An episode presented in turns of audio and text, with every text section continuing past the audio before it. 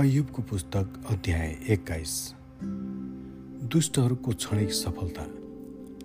तर अयुबले जवाफ दिए सुन्नुहोस् कृपया गरी सुन्नुहोस्। यो नै तपाईँहरूले मलाई दिनुहुने सान्त्वना होस्। मैले कुरा गर्दा तपाईँहरूले सुनिदिनुहोस्। मैले बोलिसकेपछि तपाईँहरूको गिल्ला जारी रहोस्। के मेरो झगडा मानिसहरूसितको हो र म अधैर्य किन नहुने? मलाई हेर्नुहोस् र अवाक हुनुहोस् र हातले मुखले छोप्नुहोस्। जब म यो सम्बन्धमा सोच्दछु म त्रासले भरिन्छु र मेरो सारा शरीर नै थरथर काम्छ। दुष्टहरू किन चिरञ्जीवी हुन्छन्? वृद्ध अवस्थामा शक्तिमा किन बढ्दै रहन्छन्? आफ्ना छोराछोरीहरूलाई आफ्ना वरिपरि राम्ररी स्थापित भएका र तिनीहरूका सन्तानलाई फलिफाप भएका तिनीहरू देख्न पाउँछन्। तिनीहरूका परिवारहरू सुरक्षित र डरबाट स्वतन्त्र हुन्छन्। परमेश्वरको न्यायको दण्ड तिनीहरूमाथि पर्दैन। तिनीहरूका बहर मिसिन्छन् र खेर जाँदैनन्। तिनीहरूका गाईहरू बिछाउँछन् तर तुहिँदैनन् तिनीहरूका छोराछोरीहरू थुमा चाहिँ खेल्न कुद्छन् तर तिनीहरूका ससाना नानीहरू नाच्दै उफ्रिन्छन्। खैँजडी र बिडासित तिनीहरू आनन्द मनाउँछन्। र बाँसुरीको स्वरमा तिनीहरू रमाउँछन्। सम्पन्नतामा नै तिनीहरूको जीवन बित्छ र शान्तिसित तिनीहरू चिहानमा जान्छन्। तापनि तिनीहरू परमेश्वरलाई भन्छन् हामीलाई छोडिदिनुहोस्। हामी तपाईँका मार्गहरू जान्न चाहन्छौँ। सर्वशक्तिमान को हो? र हामी उहाँको आराधना गरौँ।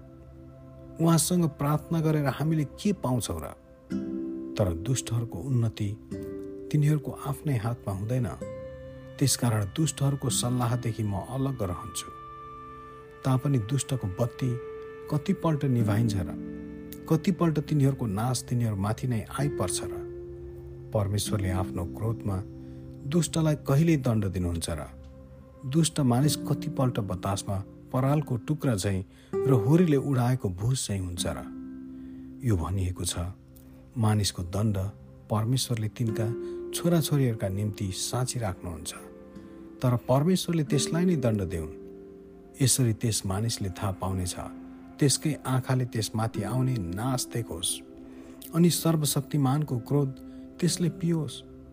जब मानिसको आफ्नै जीवन समाप्त भएको छ भने के त्यसले आफ्ना छोराछोरीहरूको सुखको वास्ता गर्छ र? के मानिसले परमेश्वरलाई ज्ञान सिकाउन सक्छ र? परमेश्वरलाई जसले स्वर्गमा हुनुहुनेलाई पनि न्याय गर्नुहुन्छ। कोही मानिस त मृत्युको दिनसम्मै पुरा स्वस्थ रहेको हुन्छ। सुख र चैनमा त्यो मर्छ। त्यसको शरीर हिष्टपृष्ट हुन्छ। त्यसको हड्डीमा मासीले रसिलो भएकै हुँदा त्यो मर्छ। अर्को मानिस मनको तितोपनमै मर्छ। सुखको स्वाद त्यसले चाखेको हुँदैन। ती सबै माटोमा सँगसँगै गाडिन्छन्। अनि किराहरू नै तिनीहरूका कात्रो भएका हुन्छन्। तपाईँहरू के सम्झँदै हुनुहुन्छ मलाई? राम्ररी थाहा छ। र मेरो विरुद्धमा रचिरहेका तपाईँहरूको योजनाहरू मलाई थाहा छ। अब त्यो ठुलो मानिसको घर कहाँ छ? खोइ! त्यो दुष्टको घर के भयो? भनी तपाईँहरू मलाई सोध्नुहुनेछ। के तपाईँले कहिले यात्रीहरूलाई प्रश्न भन् गर्नुभएको छैन? तिनीहरूका वर्णनहरूबाट के तपाईँहरू सिक्न सक्नुहुन्न? आपत परिआउँदा दुष्ट जोगिन्छ र क्रोधको दिनको अघि नै त्यो सुरक्षित स्थानमा सारिन्छ। कसैले त्यसलाई त्यसको मुखेन्जिल दोषी ठहराउँदैन। त्यसले गरेको कामको निम्ति कसैले साटो लिँदैन। जब त्यो चिहानमा लगिन्छ त्यसको चिहानमा पहरा राखिन्छ। भुइँको माटो त्यसलाई मिठो लाग्छ। सबै मानिस त्यसको पछि लाग्छन् र अनगिन्ती घुइँचो त्यसको अघि जान्छन्। यसै कारण। मा तपाईँहरूका निर्थक कुराहरूले कसरी मलाई सान्त्वना दिन्छन्? तपाईँहरूका जवाफमा झुट बाहेक अरू केही रहँदैन। आमेन।